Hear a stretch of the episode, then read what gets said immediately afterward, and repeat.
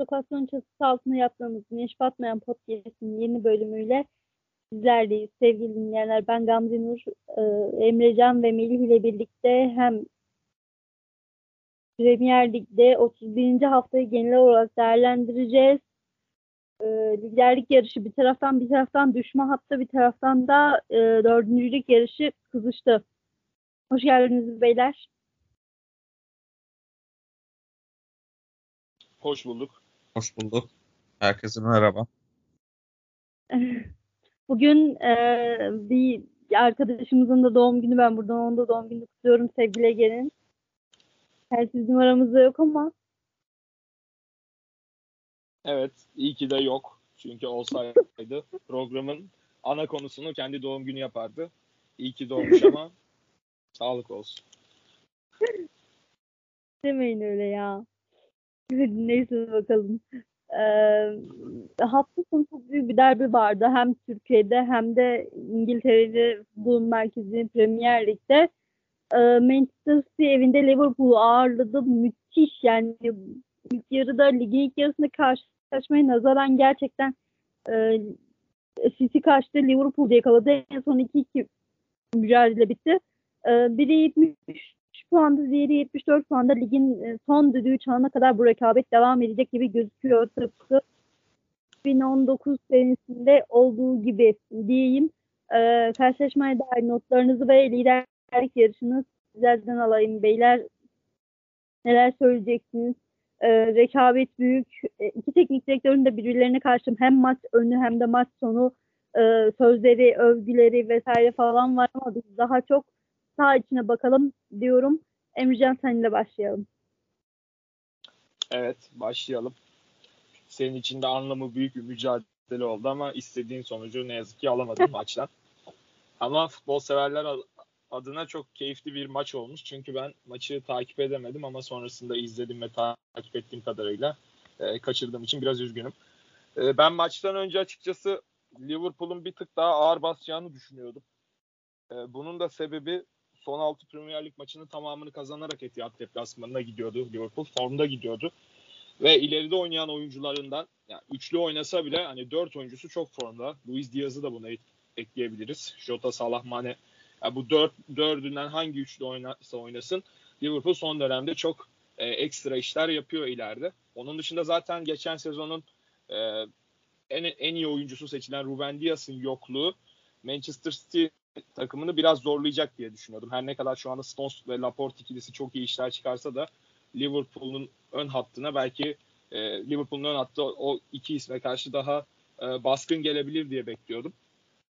Onun dışında Kyle Walker çok önemli bir kazanım oldu City adına. Çünkü Atletico Madrid maçında e, sağ bekte Cancelo, sol bekte Ake oynamıştı. E, şimdi Walker dönünce Walker'ın sağ bekte Cancelo'nun sol beke geçeceğini düşünmüştüm. Zaten herkesin beklediği gibi öyle oldu. O anlamda Cancelo'nun sağ ayaklı olduğunu düşünürsek e, o taraftan Alexander Arnold'un e, ters ayaklı Cancelo'ya karşı baskın geleceğini düşünerek kilidin e, Trent'in üzerinden çözüleceğini böylelikle de Liverpool'un kazanacağını düşünüyordum ben maçtan önce. Ancak böyle olmamış. Yani Trent yine etkili olmuş. Maça dair e, hem iyi hem kötü anlamda iki etkisi olmuş Trent'in. E, maça geçecek olursak da ya bu tarz konuşmaları genelde Melih yapar ama XG falan filan e, Manchester City'nin XG'si 1.35'miş. Liverpool'unki de 1.30'muş. Yani maçın her ne kadar yani e, dengede olduğunu gösteriyor bu XG'ler. E, maçın hakkının beraberlik olduğunu çok net şekilde gösteriyor. Liverpool'un ön üçlüsüne dönecek olursak e, Liverpool'da ön üçlüde e, Jota, Mane, Salah başladı. Diaz yedek soyundu. Ve Liverpool'un ön üçlüsü stoperlere baskıdansa orta sahada kalıp o stoperlerin e, daha öne gelmesini tercih ettiler. E, Walker zaman zaman üçüncü bir stoper gibi e, City savunmasının e, yanına kaydı. Sağ stoper gibi oldu. Ancak e, bu Liverpool açısından biraz ekmeğine yağ sürmek gibi bir hamle olabilirdi. Bundan e, çok fazla bunu 90 dakika boyunca kullanmadı Guardiola. E, bazen 4-4-2'ye de döndü. Çünkü Walker eğer sağ stoperde kalacak olsaydı zaten bu sefer sağ kanadı City'nin çok net şekilde kilitlenecekti. Kullanması çok zor hale gelecekti. Oyun kurma anlamında oradan. E, bir de Liverpool oyuncuları o üçlüye önde pres yaptığında ne şekilde orada top e, kay, kaybedebilirlerdi. Onun dışında e, bu şeyden çıkmak için Liverpool'un özür dilerim e, Manchester City Liverpool'un bu orta sahadaki baskısından çıkmak adına Bernardo'yu zaman zaman Rodri'nin yanına daha derine çekti ki oyunu daha derinden kursun ve top önüne taşısın. Onun dışında bakıyorum notlarıma. Liverpool Manchester City'yi karşılarken her ne kadar sahada 4-3-3 dizilimiyle de olsa da City'yi karşılarken 4-2-4 şeklinde karşıladı City'yi. Özellikle ikinci yarıda e, önde baskıyla beraber Laporte'un topu Sterling'e uzun atmasını istediler. Uzun attığında da e, ancak bu Sterling'e uzun atılan toplar pek de bir işe yaramadı. E, çaba, bu çabalar etkisiz kaldı. Onun dışında Mane Mane'den daha çok e, beke baskı yapmasını istedi Klopp benim gözlemlediğim kadarıyla. Ancak e, Mane içeri doğru kat ettiğinde yani Kyle Walker'a baskı yapması gerekirken daha çok e, half space'e doğru e, e, kaydığında Walker boşta kaldı. Bu sefer e, sağ stoper Stones oradan Walker'a yolladığı toplarla beraber Walker, Jesus, Andrew Robertson ikiye bir pozisyonlar yakaladı o noktada Manchester City. O yüzden e, Guardiola'nın böyle bir taktiği vardı. Yani zaten e, Mane ve Salah'ın hücum anlamında çok etkili olduklarını biliyoruz ama savunma yaparken zaman zaman pozisyon kaybetme durumları olabiliyor. Guardiola da bunu çok iyi çalışmış ve buna bunun üzerine oynamaya çalıştı. Onun dışında bakıyorum zaman zaman Phil Foden ve Gabriel Jesus e, beklerle eşleştiler. Beklerle eşleştiklerinde de e, stoperleri boş bıraktılar Liverpool'un o, o, o, çünkü oraya De Bruyne ve e, Sterling baskı yapıyordu zaten. Cancelo ve Walker'ın uzun toplarla savunma arkasına kaçmasını denediler. İlk yarıda hatta yanlış hatırlamıyorsam Cancelo soldan kaçmıştı. De Bruyne'ye çıkardı ama De Bruyne e, kalenin yanından e, yerden bir şutla dışarıya vurmuştu topu. Hani bu, bu tarz pozisyonları çok denedi. Liverpool'a dönecek olursan da top Liverpool'dayken dediğim gibi Sterling ve De Bruyne stoperlere baskı kurmaya çalıştı. City City'nin en büyük zaafı da e, savunma bloğunu çok önde kurdu. Savunma bloğunu önde kurarak arkada çok büyük boşluklar verebilirdi. Özellikle Liverpool City'nin sol kanadını de, benim de maçtan önce tahmin ettiğim gibi Cancelo tarafından oyunu kurmaya oradan gol bulmaya çalıştılar. Nitekim ilk golü de oradan buldular. Orada aslına bakarsanız Muhammed Salah'la e, Cancelo'yu eşleştirmek istediler ama Salah aslında içeride kalınca e, o ilk gol buldukları golle sanırım top Trent'e geldi. Trent içeri Salah'a çıkardı. E, oradan e, sonrasında top sekti. Arka direk Andrew Robertson kesti. Yine Trent vurdu. E, Trent indirdi. Oradan Jota vurdu. Gol oldu. Yani iki takım da aslına bakarsan kanatlar üzerinden oyuncuların biraz basketboldaki switch mantığıyla ters eşmeler yakalayarak e, gol bulmaya çalıştılar. E, gollerin birçoğu böyle oldu. İlk gol zaten Manchester City hızlı topu oyuna soktu. Bernardo De Bruyne gitti vurdu. E, Matip'in galiba ayağına çarptı gol girdi. Liverpool'un ilk golünü anlattım zaten. City'nin ikinci golünde net şekilde ters bir eşleşme var. Kornerden sonra Cancelo. Cancelo'nun da ikinci golde en büyük özelliği ters ayaklı bir sol bek olması. E, sağ ayakla içe doğru kesilen bir ortada. Trent sol bekte kaldı. Bu sefer Jesus'u göremedi. Jesus arkadan geldi ve e, bitirici e, güzel bir bitiricilikle e, golü yaptı. Liverpool'un ikinci golünde de dediğim gibi yine e, Trent oyunu kurdu sağdan. Salah'a verdi. Salah da harika bir pasla Mane'yi gördü. Maç 2-2 bitti. Ama e, genel anlamda maça bakacak olursak son dakikalarda Manchester City maçı kazanabilirdi. Kazanamadı. Liverpool'un hala şampiyonluk şansı devam ediyor. E, Liverpool'un her ne kadar fikstürü zor olsa da bu form grafiğiyle sonuna kadar savaşacaktır. E, bizi de çok eğlenceli, çok zevkli haftalar bekliyor diyerek sözlerimi noktalayayım. Ağzına sağlık. Ee, dönüyorum. Şimdi teknik direktör de dedin ki yani birbirlerine her zaman teşekkür ediyorlar ve e, kulübün bir şey Guardiola'nın kulüba ve Liverpool'a tam bir baş belası dediği yönünde bir e, röportajını gördüm. Sen neler söyleyeceksin? Ben öncelikle Sky Sports'a çağrıda bulunmak istiyorum.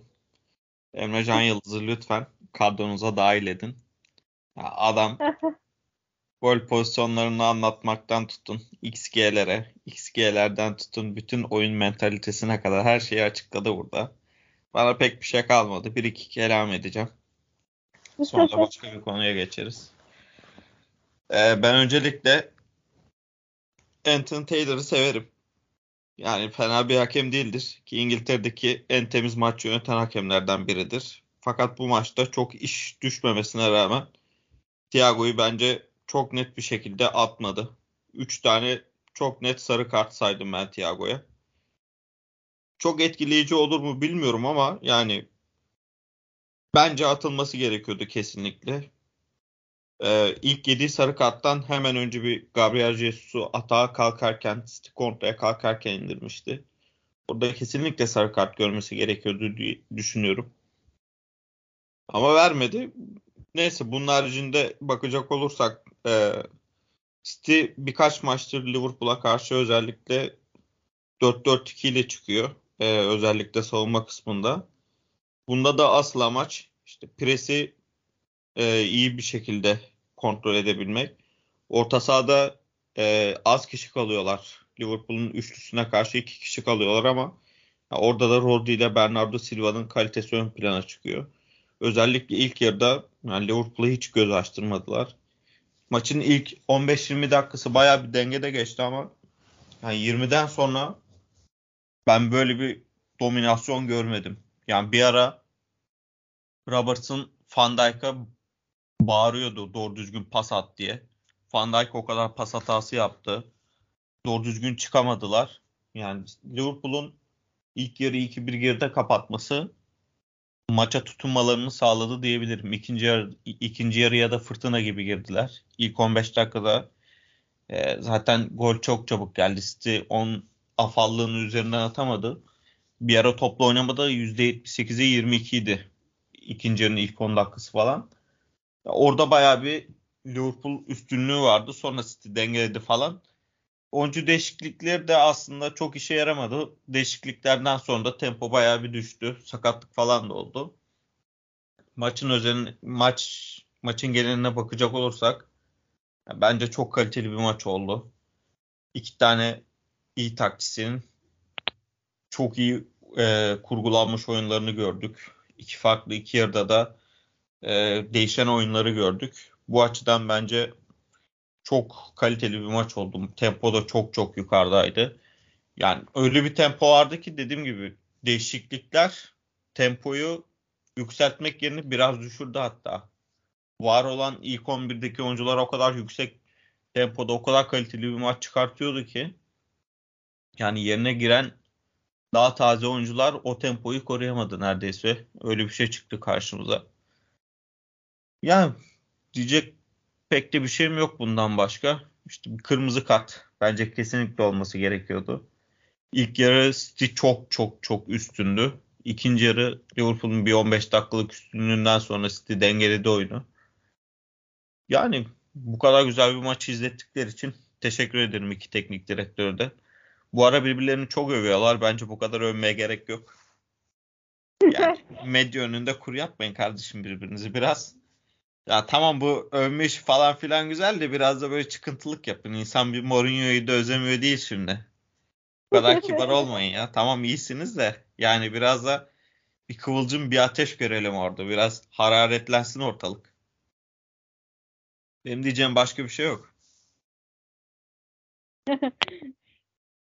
Doğru söylüyorsun. Aslında bir coğrafyada bu topraklarda göremediğimiz bir şey olduğu için belki de bizim hoşumuza gidiyor diyeyim ben. E, dördüncülük hattı da aynı liderlik gibi e, Şampiyonlar Ligi grubu da hareketli bayağı bir hareketli hem de. Orada e, hem Manchester United hem Arsenal hem Tottenham birbirleri yarışıyorlar. Tottenham bu hafta e, Aston Villa'yı 4-0 yenip 57 puanı 4. sıraya yerleşti.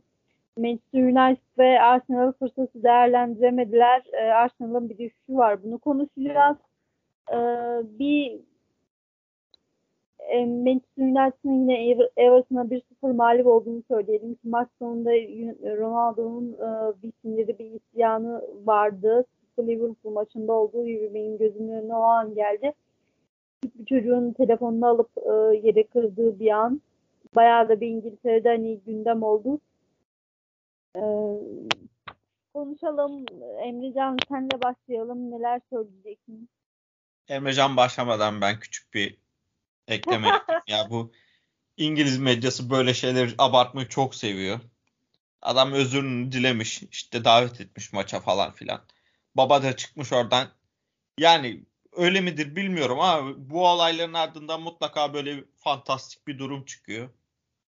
İşte bir takım beyanlarda bulunmuş. Yani olayın büyütülmesine gerek yok. Maçın hararetiyle bazen olabilen şeyler bunlar. Adam yani kalkmış kaç tane balon d'Or kazanmış. Ondan sonra gidiyor lige düş ligden düşmemeye çalışan Everton'a kaybediyor. Bu, bu takım şeyler olabilir. Çok görmemek lazım. Maçtan sonra da özünü dilemiş. Ben buradan Emrecan'a atayım topu. evet. Valla bu galibiyete en çok Arda sevindi herhalde. Geçen haftalarda programımıza konuk olan Arda. Manchester United'a karşı bir galibiyetin gelmesini beklemiyordur. Valla zaten çok e, yani seken bir topla gol yakaladılar. Şans buldular. Aslına bakarsan Everton yani küme düşme yarışındaki rakibi Burnley'e kaybettiğinde herkes bir acaba diye sorgulamaya başlamıştı.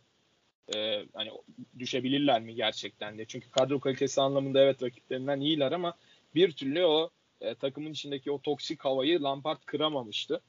Ee, acaba yavaş yavaş kırıyor mu diye e, sormaya başladı artık bütün İngiliz medyası hatta tüm futbol severler.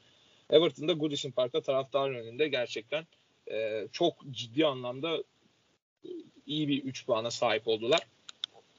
Onu, onun dışında baktığımda maça dair notlarıma yani talihsiz Harry Maguire yine top ona çarpıp kaleye girdi. Bu adam gerçekten e, yani başka kelimeler kullanmak isterdim ama bir şey diyemiyorum. Üzülüyorum da bazen adama. Yazmışlar çünkü eğer 85 milyon pound'a Bitcoin alsaydı şu anda Manchester United 800 milyon pound olacaktı falan filan. Veya kimisi yazmış işte inek alsaydı daha çok değerlenirdi falan. E, gülüyorum ama bir yandan da üzülüyorum. E, yani beğenmiyorum ama anlatılan kadar da kötü bir futbolcu olduğunu düşünmüyorum. E, kesinlikle bu kadar para etmez. Yani o zaten e, tartışılmaz. Ama yani Manchester United ya ilk başta Varan e, Maguire ikilisi benim kafama oturmuştu aslında sezon başında ama e, yani sahada pek de oturmadı bu durum. Onun dışında bakıyorum Jordan Pickford iki tane e, erken dakikalarda ciddi kurtarışlarda bulundu. Marcus Rashford ve Cristiano Ronaldo'ya karşı. O da zaten Everton'ın kümede kalma yarışında en önemli aktörlerden biri olmaya devam ediyor. Yani Manchester United tarafına dönecek olursak da dördüncülük yarışında çok ciddi bir darbe aldılar. Bu saatten sonra toparlayabilirler mi? Pek sanmıyorum çünkü onların da ciddi anlamda zor fikstürleri var. United'ın yani asıl Arsenal'la oynayacaklar Liverpool. United'ın şu an asıl tablonun ilk yarısında kalmak bence bu saatten sonra. Doğru söylüyorsun çünkü ciddi anlamda Arsenal maçları var. Liverpool maçları var. Chelsea maçları var. Formda yani şu son dönemde en azından Arsenal'ı yenmiş bir Brighton maçları var. Kesinlikle sezonun en flash takımlarından biri. Crystal Palace maçları var. Yani bir Norwich City maçları var. Onu rahat geçerler diye düşünüyorum ama bu sezon yanılmıyorsam Watford'da 4-1 kaybetmişlerdi. O yüzden Norwich bile çelme takabilir bu takıma. Melih'e katılıyorum. Bence United bu form durumunda, bu form grafiğiyle e, 7. 8. liğini korursa eğer e, başarı sayabilirler diye düşünüyorum. E, maça dair notlarım bunlar. Evet Melih benim de Tottenham Aston Villa eğer izlediyseniz biraz konuşalım. Ben bu kadar çok sert bir mağlubiyet beklemiyordum. 4-0'lık ağır bir mağlubiyet oldu Aston Villa için ama Tottenham cephesinden bakacak olursak da 57 puanla 4. sırasına yerleştiler ve hani burada büyük bir avantaj elde ettiler.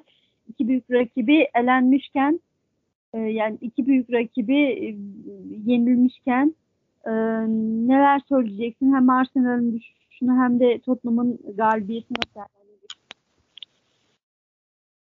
E, ben öncelikle demin söylemeyi unuttum bir şey söylemek istiyorum. Emrecan da bahsetti. Trent Alexander-Arnold ve Joao Cancelo. Bundan bir yaklaşık iki ay önce falan ben bu oyuncuların çok iyi hücum bekleri olduğunu ama e, Reece James'le birlikte özellikle bu üçünün savunmada ciddi zaafları olduğunu söylemiştim. Ya bence bu maç bunun çok net örneği oldu. İkisi de hücumda çok etkiliyken özellikle Trent ya savunmada büyük zaaflara yol açtılar. Ee, özellikle City ilk yarıda hep Trent'in e, kanadını kullandı. Foden'ın da hızını kullanarak. E, diğer taraftan da Liverpool ikinci yarıda hep Trent üzerinden e, Salah'ı da kullanarak Cancelo'yu paralize ettiler. Yani ben demiştim demek istemiyorum ama bu olay böyle yani. Ondan sonra söyleyince Klopp hocam da kızıyor. Kızmasın bize. Bu oyuncular savunma yapamıyor. Dördüncülük yarışına geçecek olursak Tottenham 4-0 kazandı. Gayet de beklediğim bir galibiyetti. Hiç ağır mağlubiyet falan olmadı Villa için. Ee, Aston Villa'yı konuşmuştuk Gerrard özelinde. Gerrard'dan ben beklediğimi alamadım şu ana kadar demiştim. Ee, aslında bu maç tam olarak öyle geçmedi. Tottenham çok erken buldu ilk golü. Onun ardından da e, Aston Villa bayağı bir ağırlığını koydu maça. Ee, ilk yarı bitene kadar Tottenham'da gol harici hiçbir pozisyon yoktu neredeyse. Bir tane falan pozisyon vardı. Aston Villa çok fazla pozisyona girdi ama onların da bitiriciliği sıkıntılıydı. Özellikle Dennings iki tane net pozisyon kaçırdı. Yani kaleyi tutan da bayağı şutları var ama bu şutlar da genel olarak Loris'i buldu. Yani çok köşeye falan giden şutlar değildi. Genel olarak Loris'in üstüne gelen şutlardı ama ilk yarıda çok fazla pozisyon buldu Aston Villa. Yani Tottenham öndeyken bu kadar kolay kolay pozisyon bulamazsınız. İkinci yarıda da zaten erken bir ikinci golle birlikte maç çözüldü. Burada Harry Kane'in performansına dikkat çekmek istiyorum. Conte geldiğinden beri uçuşa geçti. Son haftalarda da çok fazla gol atamasa da inanılmaz bir asist katkısı var. Yaptığı asistlerin yanında asist olmayan çok etkili topları da var. Özellikle sonun kaçırdığı son birkaç haftada temiz 3-4 tane pozisyon var. Yani Kane uçuşa geçmiş durumda. 8 asiste 8 asiste ulaştı sanırım. Gol asist toplamında da 20 falan oldu sanırım. E, son da keza aynı şekilde. O da 28 ilk 11'de 23 gol artı asist falan öyle bir şey olması lazım. Bu ikili yine uçuşa geçti. Öyle olduğu zaman da yani iyi savunma yapmanız yetiyor. Bir şekilde gol atabiliyorlar. Bunlara tabii Kulusevski de elendi, e, eklendi. Yani ben hiç bu kadar iyi bir transfer olabileceğini beklemiyordum. Beklentilerim çok üstüne çıktı. Çok çok iyi oynuyor. Hem gol hem asist. Ee, yani ben hiç böyle bir katkı beklemiyordum. Her iki alanda da var. Özellikle yaratıcılık kısmında çok önemli bir rol oynuyor şu an. Çünkü takımın Kane'den başka yaratıcısı pek yoktu neredeyse. Doherty de maçta sakatlandı. O da son bir aydır falan çok iyi oynuyordu. Yanlış görmediysem sezonu kapatmış. Geçmiş olsun diyelim. Ee, Arsenal'a bakacak olursak da ben Liverpool maçından son Liverpool maçından önce Arsenal'ın bu üst üste galibiyetlerin üst üste 5 galibiyet almışlardı. Yani biraz göz boyayan galibiyetler olduğunu söylemiştim. Aldıkları galibiyetler kadar iyi oynamadıklarını söylemiştim. Ki ben bunu söyledikten sonra 4 maçta 3 mağlubiyet aldılar. Kazandıkları tek maçta Aston Villa. Yani göz görüyor. Biz de az çok bu işten anlıyoruz. Yani dinleyicilerimiz de anlamıştır. Yani diyecek çok bir şey yok. Arsenal dediğim gibi çok iyi oynamıyor. Bu maçta da çok iyi oynamadılar. Son 10 dakikada falan pozisyona girmelerine rağmen. Brighton Graham Potter hocam da haftalardır galibiyet alamıyorlardı. Onlarda da çok büyük bir bitiricilik sorunu vardı. Mope'yi kesmiş hocam. Mope'yi kestiği gibi takım iki tane gol attı. Bir iki tane daha atabilirlerdi aslında da. Ya bir de Ödegaard'ın golüne de dikkat çekmek lazım. Orada Welbeck'e de çarptı ama yani golden hemen önce bir friki kullandı. Direkte patladı. Ondan sonra da o kadar uzak mesafeden inanılmaz bir şut çıkardı. Welbeck'e çarpmasa da gol olabilirdi ama yani çok şık bir gol oldu. Ee, United'a bakacak olursak Everton hemen bir önceki maçta Burnley'e mağlup oldu. böyle bir maçtan sonra kimle karşılaşmak istersiniz deseniz ben United derdim. Everton'da zaten United'ı geçti. Moral buldu. Yani United'a karşı öne geçiyorsanız zaten United'ın o maçı geri çevirme olasılığı çok çok düşük. Çünkü hiçbir şekilde yaratabilen bir takım değil. Yani neredeyse hiç oynamayan bir Juan Mata'yı maçı kurtarsın diye oyuna soktu hoca. Bunlar anlaşılmaz şeyler. Yani böyle bir kadro varken tamam çok iyi işlemiyor ama en azından bir şeyler çıkartması gerekiyor artık. Kaç aydır bu takımın başında hiçbir gelişme yok. Aksine daha da kötüye gidiyorlar. Yani Tanak'la prensip anlaşmasına varıldı deniliyor. Ama bilmiyorum. Yine de sıkıntı. Ee, West Ham bence çok rahat bir şekilde United'ın önünde tamamlayacak. Dördüncülükte de Tottenham'ı ben daha önde görüyorum. Onların da e, Arsenal maçı 12 Mayıs'ta oynanacak. Liverpool Tottenham maçından hemen sonra e, 4-5 gün sonra Tottenham Arsenal maçı var. Dördüncülük orada kesin olarak belirlenecek gibime geliyor ama dediğim gibi ben Tottenham'ı daha önde görüyorum. Şu an çok daha iyi oynuyor. Çok daha güvenliler ve artık bir kazanma kim, kimliğine e, erişmiş bulunuyorlar. Tam tersi Arsenal'da onlar daha fazla güven kaybı yaşıyorlar. Bakalım ne olacak? Ben Tottenham, Arsenal, United, e, West Ham United, Manchester United şeklinde dizileceklerini düşünüyorum. Bakalım sezon sonu göreceğiz. Son düşme hattına geçelim istiyorsanız. Düşme hattı da biraz e, hareketli. Sen az önce ufaktan giriş yaptın aslında. E, Everton Manchester United 1-0 mağlup etti. Düşme hattının e, düşme pususunun üstüne çıktı. 28 puanla. Burnley Norwich'e 2-0 mağlup oldu. 24 puanda kaldı.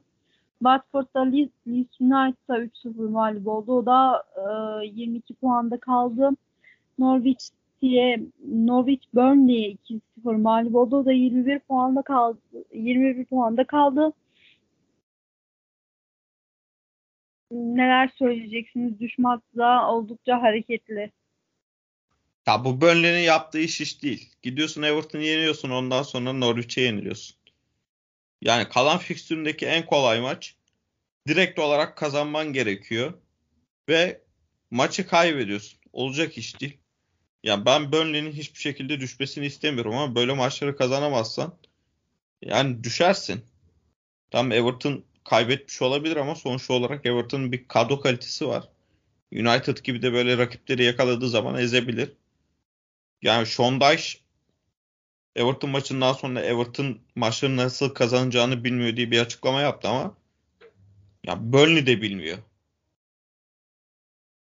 Burnley de bilmiyor ve çok büyük bir sıkıntı. O sağlam savunma da yok. Ben mi sakat. Ya bakalım Burnley'nin işi çok zor. Kolay kolay kurtulabileceklerini düşünmüyorum. Bunun Norwich galibiyeti olsa belki değişirdi ama Norwich mağlubiyeti orada çok önemli faktör olacak diye düşünüyorum. Evet ben diyeceğim e, sen neler söyleyeceksin düşme ile ilgili olarak. Yandan gözüm evet. Ligi mücadeleleri de başladı. Evet. Onu da takip ediyorum. Chelsea 1-0 öne geçti hatta. Şu anda keyfim gayet yerinde. O yüzden o, düşme hattına geçecek olursak e, öncelikle ben şu Arsenal maçına bir iki kelam etmek istiyorum. Zaten herkesin gözüne çarpmış. Bu Çaka'nın sol bekte başlama sevdası nedir? Tamam oyunu oradan kuruyorsun. Tamam build up play evet. Çaka geriye geliyor. Tierney öne doğru gidiyor. Ama bu sefer Tierney sahadayken bunu yapıyorsun. Çaka yine merkez orta sahayken geriye deplase oluyor. Topu alıp oyunu kuruyor. Aynı Liverpool'da Thiago'nun yaptığı gibi. Chelsea'de bu arada Tavares de yedeklerdeydi. Yani Tierney yok ama yani, Tavares yedeklerdeydi. O da sakat ya da cezalı değildi. Ki Tavares de sezonun ya, iyi oyuncularından biri bana göre. Yani oynayabilir. Gayet hazır. E, koy, koyduğunda yani bu maçı çıkarabilecek tarzda bir sol bek. O yüzden bu Çaka üzerinden oyunu kurayım. Çaka zaten sola deplase oluyor. Oradan sol bek de oynar bu adam mantığıyla oyuna yaklaştığı için Arteta. Elinden bu maç kaydı. Bence Arsenal'ın kaderini Chelsea Arsenal maçı belirleyecektir. Çünkü eksik maçı var ikisinin de. 30 maç oynadılar. E, yanılmıyorsam. Eğer Chelsea Arsenal'ı yenerse böylelikle bana kalırsa Tottenham'ın dördüncülüğü de garanti olur. Ama eğer Arsenal Chelsea'yi yenerse Bu durumda bence Tottenham üçüncülüğü bile zorlayabilir. Tottenham'a bakalım hangisi ta- daha çok tatmin eder. Ee, ona Tottenham taraftarı karar versin artık. Ee, düşün düşme yarışına geçersek eğer Norwich City ve Watford'ın e, kesinlikle düştüğünü artık söyleyebiliriz bence. Her ne kadar e, Norwich City ile Burnley arasında 3 puanlık fark olsa da hem bir maç daha fazlaları var. E, daha fazla oynamış Norwich City hem de e, çok da iyi bir oyun sergiledikleri söylenemez. E, şansa bir galibiyet aldıklarını bile söyleyebilirsin belki Burnley'e karşı. Benim aslına bakarsan aklıma takılan nokta şu. Burnley 30 maçta 24 puanda, Everton 30 maçta 28 puanda, Leeds United 32 maçta 33 puanda. Şimdi Leeds United 9 puan önde Burnley. Kendini çok rahat hissediyor olabilir. Ama iki maç eksiği var Burnley. Diyelim ki Burnley bu iki maçı 4 puan aldı. 28 etti. Şimdi açıyorum Leeds United'ın son 6 haftasına bakıyorum. Crystal Palace deplasmanı, içeride Manchester City, Arsenal deplasmanı, içeride Chelsea, içeride Brighton, Brentford deplasmanı. Yani 3 tane büyük takım Palace, Brighton ve Brentford'da e, son dönemin iyi takımlarından diyebiliriz. Brentford belki tökezledi son dönemde ama Chelsea e, galibiyeti üzerine West Ham galibiyetiyle e, gerçekten çok ciddi galibiyetler aldı. Bu noktada Leeds United son haftalarda evet puanları aldı. Watford'u yendiler. Soton'la berabere kaldılar. Wolverhampton'a karşı çok müthiş bir galibiyet imza atmışlardı 2-0'dan 3-2 diye. Ancak e, şimdiki rakipleri çok daha dişli. E, Leeds United o şeyi ensesinde hissedecek mi? Buna Burnley karar verecek. Eğer Burnley şu eksik iki maçından 4 puan alırsa, hele 6 puan alırsa o zaman Leeds United'da bence gayet potaya girebilecek bir takım olabilir. E, benim de e, diğer bir adayım Leeds United olabilir bu durumda ama eğer Burnley kendi maçlarını kazanamazsa zaten güle güle bu üç takım düşer. Burnley kazanamıyor böyle maçları ya. Ya bu Eriksen yeni geldiğinde bu ilk maçı çıktıklarına yani Brentford Burnley'nin çok fazla eksik maçı vardı. Bu 3-4 tane Brentford'a göre. Tam o sırada Burnley Brentford maçı vardı. Yani Burnley kazansa inanılmaz bir psikolojik destekle birlikte çok da avantajlı duruma geçecekti. Brentford'a kaybettiler. Bu hafta da Norwich'e kaybettiler. Yani kazanman gereken bütün kritik maçları kaybedip ligde kalman çok zor. Liste tamam fikstürleri çok zor ama yani Jesse maçla beraber onlar da bir yükselişe geçtiler. Bir e, kendilerine olan özgüveni tekrar kazanmaya başladılar. Yani Burnley'de öyle bir şey yok. Burnley çok çok istikrarsız. Ne yapacağı hiç belli değil. Yani maç kazansa da şu an Burnley şansa kazanır gibime geliyor. O yüzden yani bu hesapları ben de yapıyordum Burnley'nin eksik maçı var diye ama Burnley o eksik maçlarını hiçbir şekilde kazanamıyor. O yüzden kolay kolay sanmıyorum yani oranın değişeceğini. Evet sezon başından ya bence de çok özür dilerim Gamze buyur devam et. Yani sezon başından beri konuşulan bir durum zaten. Ee, sizin farklı adaylarınız var mı düşme potası hakkında? Açıkçası yok. Yani Newcastle'ın bir şekilde zaten kurtulacağını herkes öngörebiliyordu. Devre arası yaptıkları transferlerde çok nokta atışı transferler oldu. Bruno Gimareş mesela çok ciddi performans veriyor. Chris Wood yani e, ciddi anlamda iyi oynamaya başladı son dönemde. E, geçen haftaki maçlarda maçta da galiba galibiyeti götüren golü atmıştı. Penaltıdan da olsa. E, aynı zamanda zaten Melih Newcastle hakkında çok ciddi bir analiz e, konuşması yapmıştı. Joe Linton'un orta sahada ne kadar etkili olduğuna dair. E, o da gözle görülür bir fark. E, o yüzden Newcastle'ın zaten buradan kurtulacağını biliyorduk. Everton'un da kadro kalitesiyle kurtulacağını biliyorduk. Ya bu üç takım bence zaten şu, şu an küme düşmeyi hak ediyor son üç takım. Ee, bir de dediğim gibi Leeds United bir ara hak ediyordu. Ama Jesse Marsh'la beraber e, harika bir ivme yakaladılar. Dediğim gibi düşecekse belki onlar düşer diye bekliyorum ama Melih çok haklı. Burnley kendi maçlarını kazanamadıktan sonra küme düşmeye mahkum olur yani. Ya biz sezon başlarken işte kim şampiyon olur, kim Şampiyonlar Ligi'ne gider, kim düşer diye e, tahmin yürütmüştük. Yanlış hatırlamıyorsam ikimizinki de hemen hemen birbirine benziyordu. E, Norwich ile Watford kesindi. E, düşen üçüncü evet, takım evet. hakkında e, birbirimize ters düşmüştük sanırım. Ben Burnley'nin düşmesini de istemeyerek yani orada biraz Burnley'e pay vermiştim. Sanırım Newcastle'la Soton'u biraz daha önde görmüştüm. Sen Burnley demiştin diye hatırlıyorum. Yani Newcastle Evet, eğer satılmasa şu an zaten az çok bizim tahminlerimiz tutmuş durumda olacaktı. Everton sürpriz bir şekilde orada. Leeds çok kaza bir şekilde orada. Yani çok fazla sorun yaşadılar. Yoksa onlar da burada olmazdı diye düşünüyorum. Ama bizim saydığımız 4-5 takım e, düşmeye aday. İkisini zaten kesin söylemiştik. Üçüncülük için de hemen hemen dediklerimiz tuttu. Yani beklenen şeylerdi. Çok abesti iştigal değil aslında. Bakalım ne olacak. Evet. Ya be, Devam et Emrecan lütfen.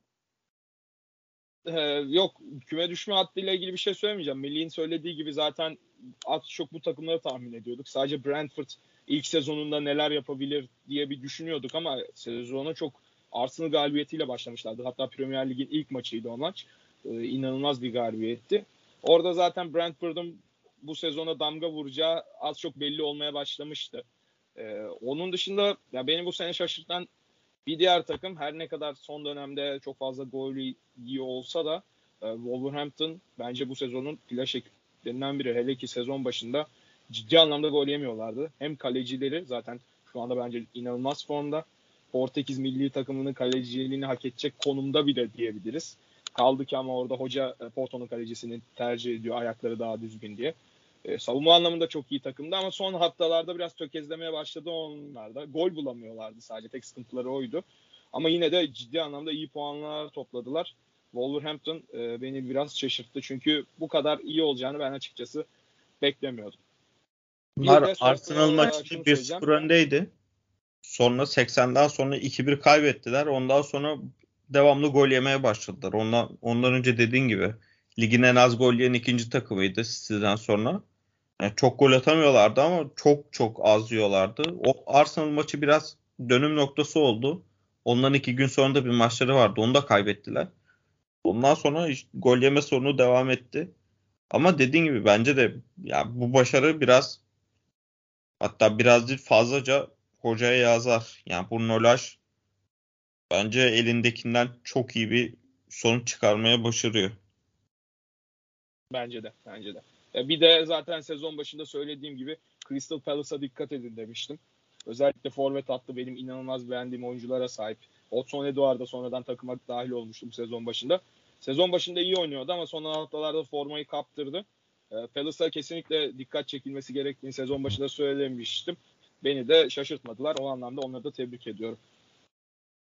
Benim için sezon sürprizi Arsenal'da ters oldu. Ne yalan ya. Başladıkları gibi bitirmediler. Arsenal aslında hani ve düşecek. Yani bir sezon başında farklı programlar yapıyorduk birlikte. Ee, benim bulunduğum programda, benim diğer e, programımızda konuştuğumuz zamanlarda direkt olarak Arsenal'ı küme düşme adayı gösteriyorlardı. Özellikle 2-3 hafta ama o 2-3 haftayı geçtikten sonra Arsenal kendine geldi ve bulunduğu konum itibariyle açıkçası hani bu kadarını çok fazla beklemiyorduk. Evet e, dördüncülük büyük bir anlamda riske girdi birkaç haftadır düşüşleriyle. E, Chelsea keza aynı şekilde ben bunu e, şaşırtıcı olarak sayabilirim Emrecan. Yani, e, ilk yarının neredeyse hani ilk yarıyı zaten lider kapattı ve ilk yarı neredeyse e, şampiyon gözüyle bakılıyordu. Evet bu sene hani şampiyon bile olabilir gözüyle bakılıyordu Chelsea ama bekleneni veremedi. yani onun da temel sebepleri çok fazla bunu zaten dile getirdik. Chelsea bu sezon sağ içinden daha çok sağ dışındaki faktörlerle mücadele etti. Gerek satış gerek başka şeyler ama Chelsea bence bu sezon en büyük darbe sakatlıklardan geldi. Juventus maçında Ben Chilwell'in sakatlanmasıyla beraber Chelsea'nin bütün oyun planı çöktü. Yani günümüz futbolunda belki eskiler diyecek ki ya abi oyunu 10 numara kuruyor veya orta saha kuruyor falan ama bazen Trent Alexander-Arnold gibi, Cancelo gibi, Chilwell gibi oyuncular oyun kurmada o kadar önemli yere sahipler ki onlar olmayınca bütün takımın e, şeyi aksıyor. Makine gibi yani bir dişli olmayınca o çark dönmüyor. E Marcos Alonso'yla da o çark dönmüyor. Çünkü savunma anlamında çok zayıf. Yani Chilwell'in sakatlığı bana göre Chelsea'nin e, şu an o şampiyonluk yarışından kopmasındaki en önemli faktörlerden biri. Onun dışında zaten e, birçok oyuncu da sakatlandı, geri döndü. Bir ara Reece James sakatlanmıştı. E, Chelsea biliyoruz. Hatta City ve Liverpool da hani kanat beklerinden çok fazla verim alan takımlar. E, Chelsea de zaten üçlü oynarken en iyi e, verimi kanat beklerinden alıyor. E, o half space kopuşularını da en iyi Reece James ve Chilwell yapıyordu. E, ikisi aynı anda sakatlanınca bu sefer Chelsea geriye düştü. Chalobah, Aspilicueta ile beraber sağ tarafı biraz götürmeye çalıştı ama sol tarafta Pulisic de zaten hiç iyi değil. E, ileride zaten bir Lukaku şeyiyle uğraştı Chelsea. E, Chelsea kendi iç sorunları yüzünden biraz bu hale geldi. Ama yine de bu sezonu üçüncü bitirirse bence e, başarılı bir sezon olacaktır. Son olarak şunu söyleyeceğim. Werner'in Southampton maçında tek başına XG'si 1.62 idi. E, gurur duydum gerçekten. Gözlerim yaşardı. Topçudur. Her zaman Tottenham tarafında hoşgörüyle karşılanacaktır. Yani Chelsea'ye ben de bir iki kelam edeyim. Çok da uzatmayayım. Yani bence çok büyük bir eşeklik yaptılar. Luka Dean satışa çıkarılmışken almadılar. Yok kiralayalım, yok Emerson'u geri getirelim falan filan.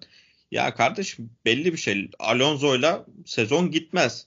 Ki bu kadar rotasyon yapan bir hoca nasıl oldu da tek başına bütün bir sezonu yani Chilwell sakatlıktan sonra Alonso'yla götürmeye karar verdi. Anlayabilmiş değilim. Bence çok fiyasko bir karar. Yani sakatlığı da geçtim. Bir sezona Lukadim ve Ben Chilwell'le başlamak bir takımı çok çok güçlendiren bir rotasyon bence. İkisi de çok çok üst düzey bir oyuncu. Ve bu kadar maça çıkıyorken yani senede yaklaşık 60 tane maça çıkıyorken ikisi de yeterli süreyi bulabilirdi diye düşünüyorum. Lukadin biraz daha az olmakla beraber ki bu sezon sonuna kadar Lukadin götürecekti.